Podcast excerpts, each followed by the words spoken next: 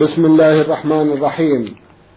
الحمد لله رب العالمين والصلاة والسلام على نبينا وسيدنا محمد وعلى آله وصحبه وسلم. مستمعي الكرام السلام عليكم ورحمة الله وبركاته وأسعد الله أوقاتكم بكل خير. هذه حلقة جديدة مع رسائلكم في برنامج نور على الدرب. رسائلكم في هذه الحلقة نعرضها على سماحة الشيخ عبد العزيز ابن عبد الله بن باز الرئيس العام لإدارات البحوث العلمية والإفتاء والدعوة والإرشاد. مع مطلع هذه الحلقة نرحب بسماحة الشيخ ونشكر له تفضله بإجابة السادة المستمعين. فأهلا وسهلا بالشيخ عبد العزيز. حياكم الله وبارك فيكم. حياكم الله. مع مطلع هذه الحلقة نعود إلى رسالة الأخوات من الجمهورية اليمنية ألف واو نون دال الأحمدي. الأخوات عرضنا بعض أسئلتهن في حلقة مضت وفي هذه الحلقة لهن سؤالان.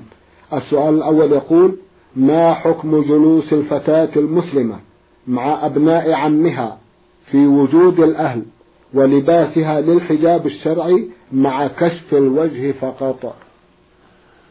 بسم الله الرحمن الرحيم. الحمد لله. وصلى الله وسلم على رسول الله.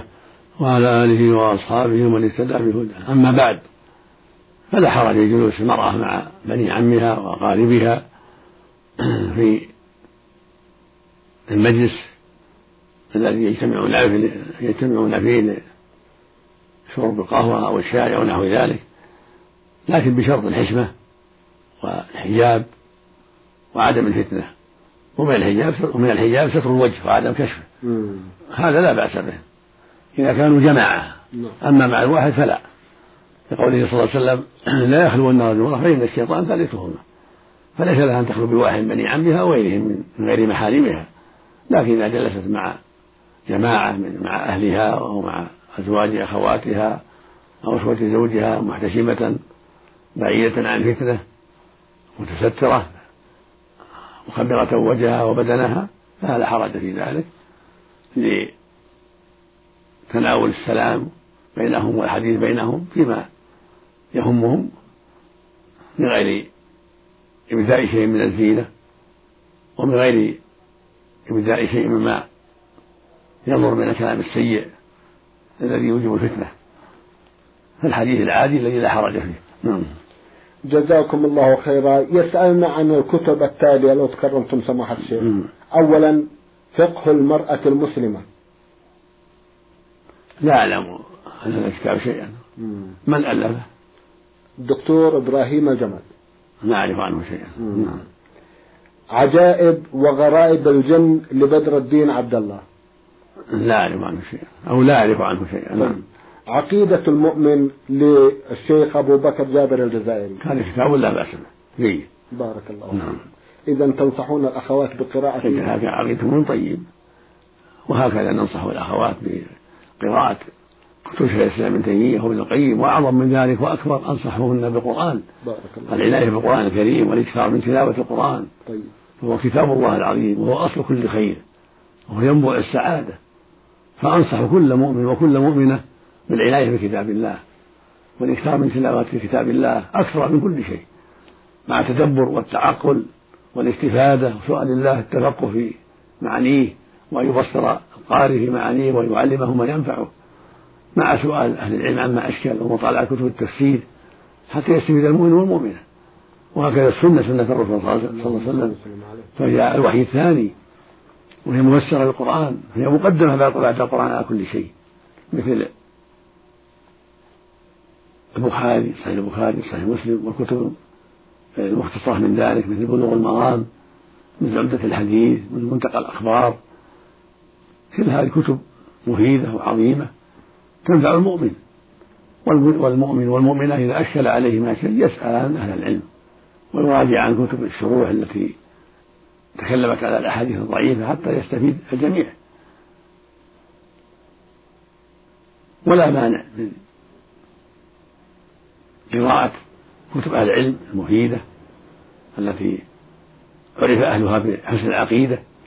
مثل كتب شيخ الإسلام ابن تيمية وابن القيم كتب أئمة الدعوة كالشيخ محمد بن عبد الوهاب وتلاميذه وأنصاره مثل كتاب التوحيد مثل كشف الشبهات ثلاثة الأصول آداب المشي إلى الصلاة مختصر السيرة النبوية كل هذه للشيخ محمد رحمه الله. مثل العقيدة الوصية لشيخ الإسلام تدمرية الحموية لشيخ الإسلام ابن تيمية مثل كتاب الإيمان له أيضا منهاج السنة له أيضا الفتاوى المعروفة. مثل زيادة المعاد بن القيم رحمه الله شفاء العليم بن القيم رحمه الله إعلام موقعين بن القيم رحمه الله حاد الأرواح له أيضا وهكذا كتب أخرى كلها مفيدة وجيدة هكذا كتب أهل العلم معروفين بالعقيدة الطيبة مراجعتها والاستفادة منها أمر طيب مطلوب ولكن تكون العناية بالقرآن وبالأحاديث أكثر وأكبر وأعظم. نعم. جزاكم الله خيرا. أحد الإخوة المستمعين سوداني هو أحمد عبد الله أحمد مقيم في المملكة في شقرة بعث بأسئلة ملخصها كالتالي. يقول في أحدها بجواري جار مسلم لكنه لا يصلي. هل لو أعطيته صدقة أو نحوها أكون مأجورا؟ الواجب نصيحته وإنكار عمله السيء وترك الصلاة فإذا استجاب فالحمد لله في الواجب هجره ومقاطعته حتى يصلي. لأن ترك الصلاة منكر عظيم بل كفر أكبر على أصح قول العلماء. فلا يجوز التساهل معه بل يجب أن ينصح ويوجه ويبين له عظم الخطأ في عمله السيء. ولا يعطى من الزكاة شيئا حتى يسلم حتى يصلي. أما صدقة التطوع إذا أعطاه من باب الترغيب من باب الدعوة إلى الله كما يعطى الكافر المعاهد والذمي من صدقة التطوع فلا بأس من, من هذه الحيثية. نعم. جزاكم الله خيرا. في سورة الذاريات آية تقول وفي السماء رزقكم وما توعدون. وفي سورة أخرى فامشوا في مناكبها وكلوا من رزقه وإليه النشور. اجمعوا لي بين هاتين الآيتين وفسروهما. جزاكم الله خيرا. وفي السماء رزقكم يعني من عند الله جل وعلا هو الرزاق سبحانه وتعالى. إن الله هو الرزاق ذو قوة من هو الذي يرزق عباده ويقدر لهم ما شاء سبحانه وتعالى. هذا يربح في زراعته وفي تجارته وفي أعماله وهذا يخسر كثيرا وهذا يخسر قليلا.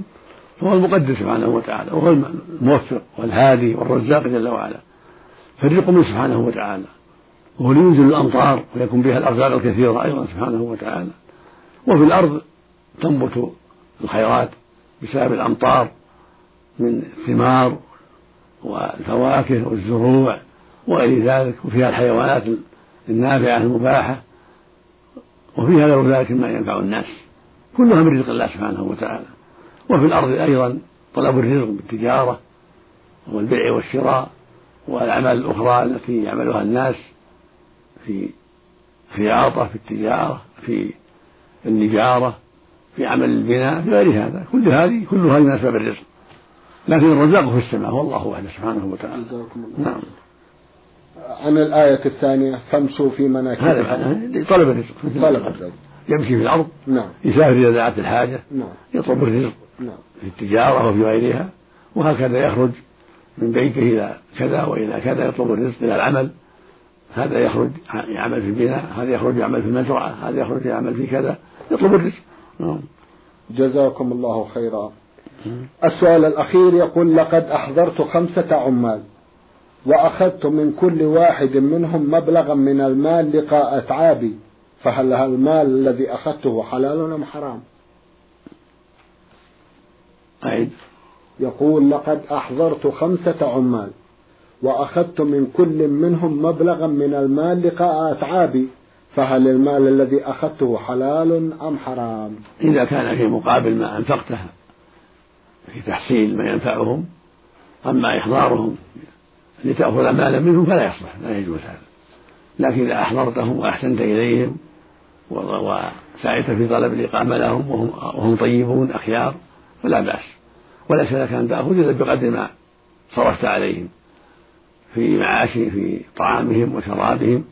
أو في شراء حاجات لهم أو غير هذا مما تصرفه في حاجاتهم. نعم. جزاكم الله خيرا. الواقع سماحة الشيخ هناك ما يسمى بالاتجار بالعمال. توجيهكم. هذا غلط. هذا الاتجار بالعمال لا يجوز. قد صدر قرار هيئة العلماء بمنع ذلك. وأن الواجب أن لا يستخدموا إلا على الطريقة التي أوضحتها الدولة وبينتها الدولة. فإن أراد يستخدم فعليه يسلك الطرق التي رسمتها الدولة. نعم حتى لا يضر نفسه ولا يضر المسلمين. جزاكم الله خيرا. من جمهورية مصر العربية المستمع محمد الإمام عبد الرازق الشيخ بعث يسأل عن حكم الصلاة على النبي صلى الله عليه وسلم بعد الأذان. الصلاة على النبي بعد سنة. يقول النبي صلى الله عليه وسلم لما قالوا له يا رسول الله إن المؤذن يقبلوننا قال إذا سمعتم مؤذن فقولوا مثل ما يقول. إذا سمعتم مؤذن فقولوا مثل ما يقول. ثم صلوا عليه. فإنه من صلى علي صلاة صلى الله عليه بها عشرا ثم سألوا الله للوسيلة فإنها منزلة من الجنة. لا تنبغي إلا لعبد من عباد الله. فأرجو أن أكون أنا هو. فمن سأل فمن سأل لي الوسيلة حلت له الشفاعة عليه الصلاة والسلام. رواه مسلم في الصحيح. وفي صحيح البخاري رحمه الله عن جابر بن عبد الله الأنصاري رضي الله تعالى عنهما عن النبي صلى الله عليه وسلم قال من قال حين يسمع النداء اللهم رب هذه الدعوة التامة والصلاة القائمة آت محمدا الوسيلة والفضيلة وابعثه مقاما محمودا الذي وعدته حلت له شفاعتي يوم القيامة. هذا فضل عظيم. زاد البيهقي بإسناد صحيح فإنك لا تخلف الميعاد. إنك لا تخلف الميعاد. فالمقصود أن الصلاة عليه في جميع الأوقات مستحبة وهي خير عظيم. قال الله جل وعلا إن الله وملائكته يصلون على النبي. يا أيها الذين آمنوا صلوا عليه وسلموا تسليما. ويقول صلى الله عليه وسلم رايم أنف امرئ ذكر عنده فلم يصلي عليه صلى الله عليه وسلم. ويصلى عليه في آخر الصلاة بعد التشهد الأول وبعد التشهد الأخير. قال اللهم صل على محمد وعلى آل محمد كما صليت على إبراهيم وعلى آل إبراهيم إنك حميد مجيد.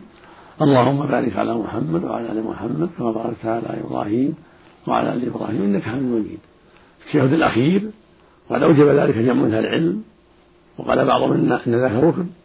أما التشهد الأول فيستحب على الصحيح فقط استحبابا ثم يقول الثالث فالمقصود أن الصلاة على النبي صلى الله عليه وسلم عبادة مشروعة بعد الأذان وفي التشهد الأول وفي التشهد الأخير وعند ذكره عليه الصلاة والسلام وفي جميع الأوقات. نعم.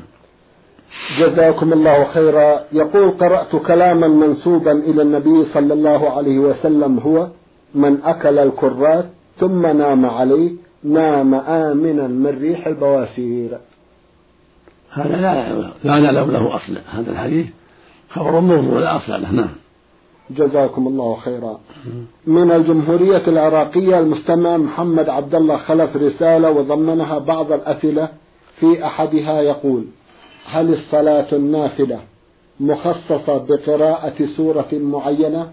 وما صحة هذا الحديث عن عائشة رضي الله عنها؟ قالت قال رسول الله صلى الله عليه وسلم نعم السورتان يقرأ بهما في الركعتين قبل الفجر والركعتين بعد المغرب. قل يا أيها الكافرون وقل هو الله أحد أفيدونا مأجورين. هذا خبر عن عائشة لا أعلم له أصلا. ولكن ثابت عن النبي صلى الله عليه وسلم أنه كان يقرأ في سنة الفجر قل يا أيها الكافرون وقل هو الله أحد وفي سنة المغرب أيضا وفي ركعتي الطواف كان يقرأ بهاتين السورتين بعد الفاتحة عليه الصلاة والسلام. وربما قرأ في سنة الفجر بآيتين من سورة البقرة وآل عمران. وهما قوله تعالى قولوا آمنا بالله وما أنزل إلينا ومن إلى آخر الآية الكريمة من سورة البقرة. وفي الآية وفي الركعة الثانية قل يا أهل الكتاب تعالوا إلى كلمة سواء بيننا وبينكم الآية من سورة آل عمران. هذا ثبت عنه وهذا ثبت عنه عليه الصلاة والسلام. فيستحب أن يقرأ فيهما في السورتين يعني في سنة الفجر وسنة المغرب وسنة الطواف بعد الفاتحة. وفي بعض الأحيان يقرأ بالآيتين في سنة الفجر. نعم. آية البقرة في الأولى قل آمنا بالله وأنزل إلينا الآية. وآية آل عمران في الثانية قل يا قل يا أهل الكتاب تعالوا إلى كلمة سواء بيننا وبينكم الآية. هذا هو السنة. ولا أعلم للنافلة سورة مخصوصة غير ما ذكر. بل يقرأ في النافلة مثل ما يقرأ في الفريضة ما تيسر. الله قال فاقرأوا ما تيسر منه. يقرأ في الفرائض وفي النوافل ما يسر الله بعد الفاتحة. نعم. جزاكم الله خيرا. يقول ما صحة هذا الحديث؟ قال رسول الله صلى الله عليه وسلم من قال حين يأوي إلى فراشه كبعد نعم. تبع السؤال الأول أيضا أي بارك ثبت في صلاة الفجر يوم الجمعة. أنه كان يقرأ بعد الفاتحة بسورة الإسلام لام تنزل السجدة وفي الثانية بهلة على الإنسان هذه الفريضة. نعم. يقرأ بهاتين السورتين بعد الفاتحة في صلاة الفجر يوم الجمعة. في الأولى بعد الفاتحة الإسلام من تنزل السجدة وفي الثانية هلة على الإنسان. وكان يقرأ أيضا في صلاة الجمعة في صلاة الجمعة سبح والغاشية بعد الفاتحة. وربما قرأ بالجمعة والمنافقين في صلاة الجمعة. وربما قرأ بالجمعة في الأولى وبهل هل أتاك عن الغاشية في الثانية. هذه أنواع ثلاث أنواع ثلاثة في قراءة في صلاة الجمعة عليه الصلاة والسلام. كلها محفوظة عن عليه الصلاة والسلام. في صلاة الجمعة. الأولى سبح والغاشية بعد الفاتحة. الثانية الجمعة والمنافقين. يعني صلاة سبحوا لله صلاة الجمعة والمنافقين صلاة المنافقين. إذا جاءك المنافقون. والنوع الثالث يقرأ بالجمعة في الأولى ويقرأ في الثانية بهل أتاك حديث الغاشية بدل المنافقين. كلها ثابتة عنه في سنة الصلاة صلاة الجمعة وكلها مستحبة لا ليست واجبة. لو قرأ بغير هذه السور فلا حرج. وثبت عنه قرأ في صلاة العيد بقرب اقتربت وبسبح والغاشية كما قرأ في صلاة الجمعة عليه الصلاة والسلام. نعم. جزاكم الله خيرا. إذا ننتقل إلى السؤال الثاني. نعم. ما صحة هذا الحديث؟ قال رسول الله صلى الله عليه وسلم من قال حين يأوي إلى فراشه أستغفر الله الذي لا إله إلا هو الحي القيوم وأتوب إليه ثلاث مرات غفرت له ذنوبه وإن كانت مثل زبد البحر. الحديث معروف في سنن بعض المقال ولكن ليس خاصا بفراشه. من قال هذا الاستغفار يرجى له هذا الجزاء العظيم. أستغفر الله العظيم الذي لا إله إلا هو الحي القيوم وأتوب إليه. هذا يقوله عند عند النوم وفي اليقظة وفي الطريق وفي أي مكان. هذا دعاء جيد وإن كان في سنده بعض المقال لكنه دعاء جيد. وينبغي يكون معه التوبة الصادقة. يقول أتوب إليه وهو صادق في ذلك. أستغفر الله العظيم الذي لا إله إلا هو الحي القيوم وأتوب إليه. يقول ذلك صادقا في التوبة والندم حتى يحصل له هذا الموعود وهو المغفرة فالدعاء هذا محمول على من قال صادقا تائبا نادما. يحصل له هذا الموعود وهو المغفرة أستغفر الله العظيم الذي لا إله إلا هو الحي القيوم وأتوب إليه. هو يستغفر باللسان ويتوب باللسان مع صدق القلب مع الندم والإقلاع وعدم الإصرار على المعاصي. نعم. جزاكم الله خيرا. آخر سؤال له يقول إني أقسمت بوضع يدي على كتاب الله أن أقلع عن معصية معينة وأقلعت فعلا ولكن حدث وأن عدت مرة ثانية. سؤالي هل علي كفارة؟ أرجو إفادتي. جزاكم الله خيرا. عليك التوبة والكفارة التوبة إلى الله. إذا كان معصية إذا كان عمل معصية وعليك كفارة. كفارة يمين. وهي إطعام عشرة مساكين أو كسوتهم. إطعام عشرة تأشفيهم ولا تغديهم أو تدفع لهم نص صاع من التمر أو من العرض أو من الحنطة ومعه إدام يكون أفضل. أو تكسوه كسوة. تجزئه في الصلاة كالقميص أو إزار رداء لكل واحد. أو تعتق رغبة إن قدرت فإن عجزت عن الثلاثة تصوم ثلاثة أيام. هذه كفارة اليمين. نعم. جزاكم الله خيرا. إحدى الأخوات من جدة رمزت إلى اسمها بالحروف نون ألف دال. بعثت برسالة وضمنتها بعض الأسئلة. في أحد أسئلتها تقول ما معنى قوله صلى الله عليه وسلم؟ مائلات مميلات رؤوسهن كأسنمة البخت. هذا حديث صحيح. رواه مسلم في الصحيح عن النبي صلى الله عليه وسلم قال صنفان من أهل النار. صنفان من أهل النار لم أرهما. رجال بأيديهم سياط يضرب بها الناس يعني ظلما. ونساء كاسيات عاريات مائلات مميلات رؤوسهن كأسنة البخت المائلة لا يدخلن الجنة ولا يجدن ريحها وإن ريحها لا يوجد من كذا وكذا. وفسر العلماء هذا الحديث بأنهن كاسيات من نعم الله عاريات من شكرها. وقال جماعة في تفسير الحديث كاسيات بالثياب الرقيقة والقصيرة. عاريات لأن هذه الملابس لا تستر فهن في حكم العاريات. وهذا منكر عظيم. يجب على المرأة أن تستر الستر كامل عن خادمها وعن زوج أختها وعن إخوان زوجها وعن غيرهم من الأجانب. يجب أن يكون الستر كاملا. في جميع بدنها ورأسها ووجهها عن غير محارمها. وإذا ترك بعد ذلك صارت في حكم كاسيات العاريات. وأما قوله صلى الله عليه وسلم مائلات مميلات فمعناه عند أهل العلم مائلات عن الصواب عن الحق عن العفة والاستقامة إلى الفساد والفحش. مميلات لغيرهن إلى ذلك. فهن مائلات عن العفة والاستقامة إلى الفساد والزنا والفواحش وغير الحق. مميلات لغيرهن من النساء يعني يدعين إلى الفاحشة ويتوسطن في الفاحشة. أما من فسر ذلك بالمشطة المائلة فهذا غلط ليس بشيء. الصواب أن المراد مائلات عن الحق عن العفاف والاستقامة إلى الفساد وغير الاستقامة. وميلات لغيرهن من النساء عن الاستقامة والعفة إلى الفساد. نسأل الله العافية. نعم. أما رؤوسهن كاسة بخت الماء هذه علامة لهن من علاماتهن تضخيم الرؤوس يجمعن عليها أشياء تضخمها وتكبرها وكأنها علامة لهن في بعض البلدان التي تعاطى هذه الأعمال السيئة. نعم. جزاكم الله خيرا تسأل أختنا وتقول ما حكم لباس المرأة الضيق والشفاف والقصير تحت الركبة في المنزل وعند اجتماعها بالنساء في مكان بعيد عن مخالطة الرجال هين. تقول ما حكم لباس المرأة الضيق والشفاف والقصير تحت الركبة في المنزل وعند اجتماعها بالنساء في مكان بعيد عن مخالطة الرجال. لا ينبغي اعتيادها لهذا لأن هذا يجره إلى التساهل به عند خادم وعند أخي زوج وغير ذلك.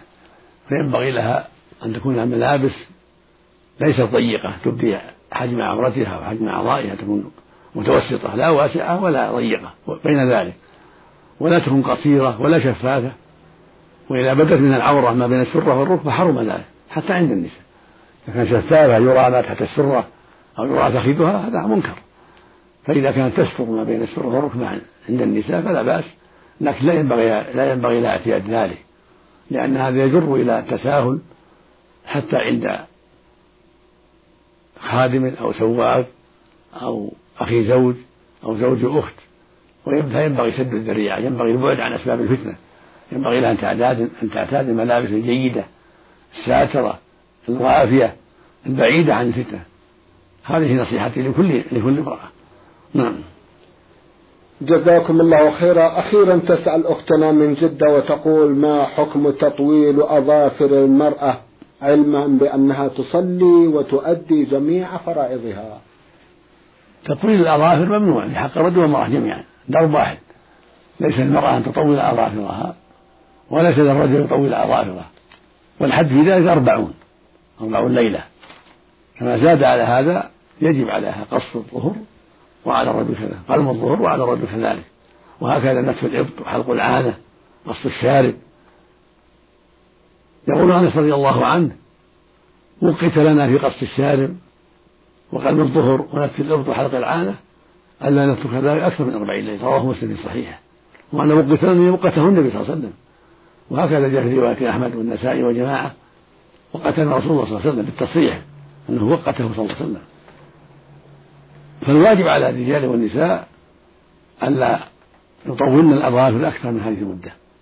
أما في هذه المدة فأقل فالأمر واسع لكن لا يزيدن على أربعين لا في الظهر ولا في العبط ولا في العانة وهكذا الرجل في الشارب.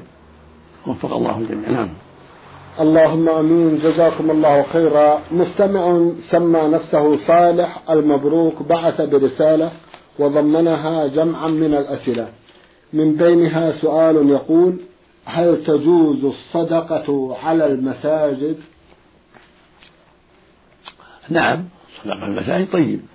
عماره المساجد من أفضل القربات.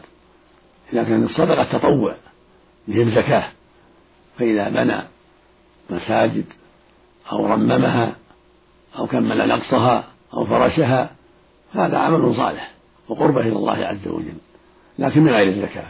أما الزكاة فتكون في الأصناف الثمانية المذكورة في قوله سبحانه إنما الصدقات للفقراء والمساكين والعاملين عليها والمؤلفة قلوبهم وفي الرقاب والغالمين وفي سبيل الله وفي السبيل في سبيل الله هم المجاهدون نعم. جزاكم الله خيرا. الواقع تطرقتم إلى الزكاة. سماحة الشيخ وأخونا يسأل عنها يقول هل يجوز إعطاء الزكاة للمساجد؟ لا. تصرف في غير المساجد. تبنى من غير الصدقات. أيوة. لكن يصرف الزكاة في أهلها في الفقراء في المجاهدين في أبناء السبيل في عتق الرقاب في فك أسر المسلمين في الغارمين المدايين المحتاجين العاجزين. نعم. جزاكم الله خيرا. صلاة الجمعة هل تصح بأقل من اثني عشر رجلا؟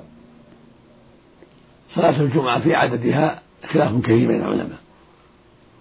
وأرجح الأقوال ثلاثة. أقل أقل جماعة ثلاثة.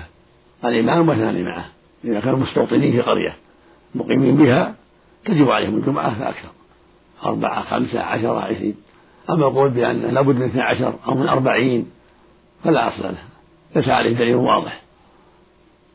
وأقل ما قيل في ذلك ثلاثة هو أرجحها لأنها أقل جمع بالنسبة إلى الجمعة. نعم. جزاكم الله خيرا. سماحة الشيخ في ختام هذا اللقاء أتوجه لكم بالشكر الجزيل بعد شكر الله سبحانه وتعالى على تفضلكم بإجابة السادة المستمعين. وآمل أن يتجدد اللقاء وأنتم على خير. نسأل الله ذلك مستمعي الكرام كان لقاؤنا في هذه الحلقة مع سماحة الشيخ عبد العزيز ابن عبد الله بن باز الرئيس العام لإدارات البحوث العلمية والإفتاء والدعوة والإرشاد. شكرا لسماحته. وأنتم يا مستمعي الكرام شكرا لحسن متابعتكم. وإلى الملتقى وسلام الله عليكم ورحمته وبركاته.